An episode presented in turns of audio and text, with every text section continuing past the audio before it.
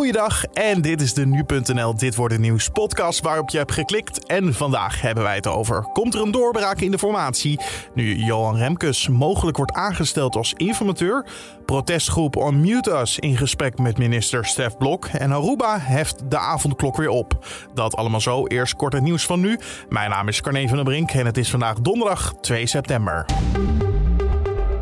De GGD zijn klaar voor een eventuele derde coronaprik. Mocht het demissionaire kabinet hier een besluit over nemen. Zo laat de GGD weten aan nu.nl. Medewerkers van recent gesloten grote priklocaties blijven ja, beschikbaar. Omdat ze aan het werk zijn gegaan op locaties waar de vaccinatiegraad laag is. Kabinet wacht nog op een advies van de Gezondheidsraad of volledig gevaccineerde mensen een extra prik moeten ontvangen. Mogelijk worden bijvoorbeeld alleen ouderen opnieuw geprikt, zoals dat nu al het geval is in Turkije.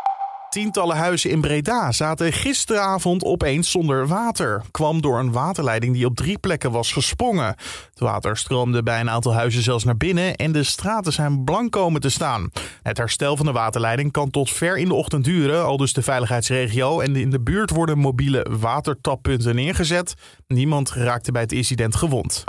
Oud-informateur Herman Schenk Willink is kritisch op de manier waarop de formatie verloopt. Tegen Nieuwsuur zei hij dat hij plaatsvervangende schaamte voelt bij de impasse waarin de huidige formatie zit. Ja, hoe zou ik dat zeggen? Mistroostigheid, in zekere zin plaatsvervangende schaamte, omdat het systeem is me te lief om het, ja, die geloofwaardigheid zo te laten weglopen. De lange duur doet afbreuk aan de geloofwaardigheid. De formatie liep opnieuw vast toen de VVD en het CDA dinsdag lieten weten dat ze niet willen regeren in een kabinet met twee linkse partijen. Daardoor lijkt de komst van een nieuw kabinet verder dan ooit. Herman Schenk-Willink benadrukte de urgentie van een nieuw kabinet. De stikstofcrisis hebben we 30 jaar lang zelf laten ontstaan. De klimaatcrisis, idem dito. Na 2000 heeft de overheid eigenlijk niks meer echt vernieuwend gepresteerd. En wij bungelen eigenlijk bij vele Europese lijstjes onderaan. Zo zei hij tegen Nieuwsuur. En het nieuwe termijn van bondscoach Louis Vergaal is slecht begonnen. Want Oranje heeft gisteravond gelijk gespeeld in de WK-kwalificatiewedstrijd tegen Noorwegen. Het werd 1-1, mede door een doelpunt van Davy Klaassen. Van Gaal was kritisch over het team en het samenspel. Wij kunnen wel uh, denken dat uh, dit Nederlands elftal de top of de uh, wereld is. Ja, dat is het dus niet. Wij moeten ook als team functioneren. En Noorwegen heeft als team erg goed gespeeld. Dat hoorde je bij de NOS. Zaterdag speelt Oranje de volgende kwalificatiewedstrijd tegen Montenegro. En dan de agenda voor vandaag, oftewel dit wordt het nieuws. Gisteren viel plots de naam van Johan Remkes als volgende informateur. Ja, de VVD ziet in hem de ideale kandidaat om de formatie uit het slop te trekken. Remkes is een politiek zwaargewicht. Hij was eerder al staatssecretaris, minister en onder andere commissaris van de Koning. Kan Remkes een doorbraak forceren? Daarover praten we verder met politiek verslaggever Edo van der Goot. Ja, dat is natuurlijk wel de, de grote hoop hier in Den Haag. Uh, want tot nu toe, na vijf en een halve maand, is het Mariette Hamer niet gelukt. Dat zal ongetwijfeld niet alleen aan Mariette Hamer liggen. Uh, dat ligt natuurlijk vooral aan de politieke partijen zelf. Maar de opdracht die zij heeft gekregen, uh, namelijk om te zoeken of er een meerderheidscoalitie mogelijk is, ja, die opdracht is simpelweg mislukt en, uh, en niet uitvoerbaar. Dus ja, het is nu aan Remkes om andere alternatieven te gaan onderzoeken. Ja, desondanks, uh, je gaat niet praten over een nieuwe informateur als alles muurvast zit. Dus er zal ongetwijfeld ergens een uitweg zijn, of niet? Nou, het is meer dat uh, de uitwegen die, uh, voor ogen, die, die ze voor ogen hadden, namelijk een, een weg naar een meerderheidscoalitie, die is eigenlijk definitief, uh, gaat dat niet lukken. We hebben gewoon gezien dat de blokkades die er eigenlijk al maanden zijn, uh, partijen willen niet met elkaar in verschillende samenstellingen, om het maar even kort te zeggen. Uh, is er gewoon niet beter op geworden. En ja, we zagen dinsdag dat daar definitief een streep door ging. Dus Remkes zal simpelweg een andere opdracht krijgen. En wellicht wordt er gezocht naar een minderheidscoalitie. want dat is eigenlijk de enige logische uh, optie die nu nog overblijft. Wat betekent een minderheidscoalitie nou voor die stabiliteit waar bijvoorbeeld Rutte zo hard op hamert?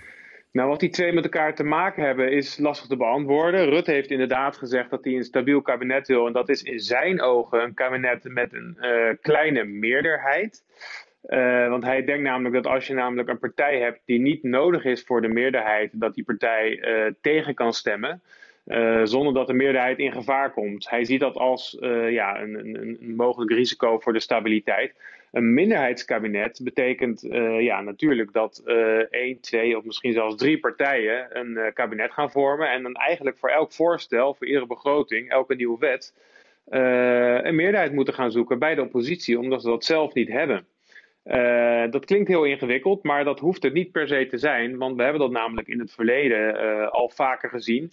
Niet officieel, uh, maar eigenlijk zagen we dat in het vorige kabinet. Toen VVD erop stapte, had eigenlijk het vorige kabinet ook geen meerderheid meer. Uh, we zien ook vaker dat een kabinet bijvoorbeeld geen meerderheid heeft in de Eerste Kamer, waardoor met bijvoorbeeld grote wetten of begrotingen uh, de coalitiepartijen of het kabinet ook op zoek moet gaan naar steun van de oppositie. Dus eigenlijk is Rutte, vooral Rutte, is er al heel erg mee bekend om steeds meer weer steun te zoeken bij ja, partijen buiten zijn eigen coalitie. En nou zei Segers van de ChristenUnie eerder deze week ook nog eens dat een minderheidscoalitie goed zou zijn voor de openheid in de Kamer en het kabinet. waar doelt hij daarmee op, denk je? Ja, die openheid heeft vooral weer te maken met eigenlijk hoe we dat afgelopen jaar hebben gezien. Hoe de, de bestuursstijl van Rutte komt er eigenlijk op neer dat hij van tevoren alles uh, ja, wil, wil, afdekken eigenlijk. Achter gesloten deuren, alles wil afspreken. Uh, waardoor eigenlijk de oppositie voor een voldongen feit wordt gesteld. Uh, je had het zogenoemde coalitieoverleg op maandag. Daarmee werd gewoon simpelweg de week doorgenomen. Er werd gezegd: van, Nou, hier zijn we voor, hier zijn we tegen. Ja, als je dat als uh, meerderheidscoalitie uh, van tevoren al afstemt, dan kun je hoog of laag springen als oppositiepartij in een debat of, of waar dan ook. maar het besluit is al genomen. Ja, dat leidde natuurlijk tot grote frustratie van de oppositiepartijen. Die zeggen van ja, wij willen ook wel eens een keer invloed hebben. Uh, zonder dat we per se in een coalitie zitten. En Segers zal hiermee bedoelen, of wat hij hiermee bedoelt, want hij heeft dat gisteren ons een beetje toegelicht. Uh, ja, als een minderheidskabinet een idee heeft, ja, dan moet je toch bij de oppositie echt gaan zoeken en echt je oor te luisteren leggen bij zo'n oppositiepartij om een meerderheid te krijgen.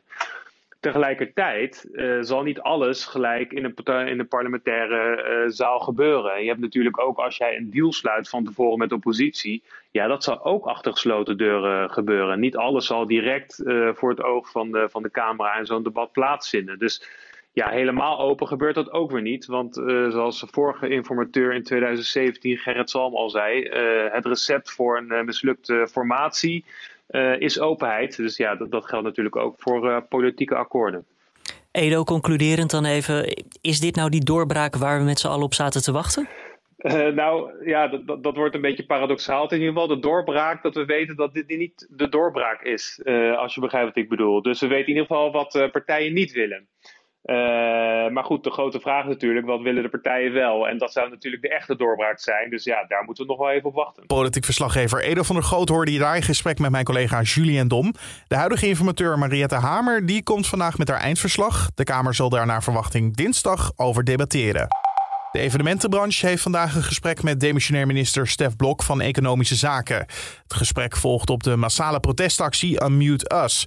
Duizenden mensen gingen de straat op om hun woede te uiten over de in hun ogen willekeur van het kabinet wat betreft het toestaan van evenementen. Unmute Us heeft sowieso trouwens wel al een nieuwe protestactie ingepland. Die staat op de agenda voor 11 september. En Aruba heft de avondklok weer op. Die gold sinds 22 augustus tussen 10 uur s avonds en 5 uur s ochtends. Nou, het eiland had enkele weken geleden te maken met een forse stijging van het aantal coronabesmettingen.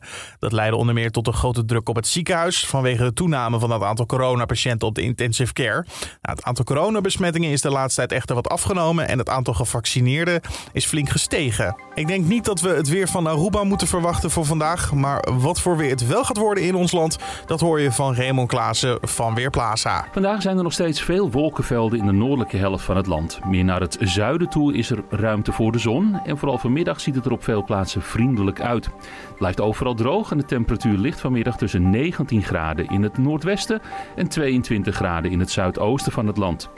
De vroege ochtend kan hier en daar wel wat mist opleveren, met name in de gebieden waar opklaringen aanwezig zijn. Maar die mist die verdwijnt wel snel. Dankjewel Raymond Klaassen van Weerplaza. En dan zijn we alweer aan het einde gekomen van deze Dit Wordt Het Nieuws podcast voor de donderdag 2 september. Je kan ons helpen de podcast beter te maken door een recensie achter te laten bij Apple Podcast of natuurlijk een mailtje te sturen naar ons mailadres podcast.nu.nl en erin te zetten wat je goed vindt aan de podcast of wat je anders zou willen zien. Laat het ons weten. Uh, mijn naam is Carne van der Brink. Ik wens je een hele mooie dag en natuurlijk extreem bedankt voor het luisteren.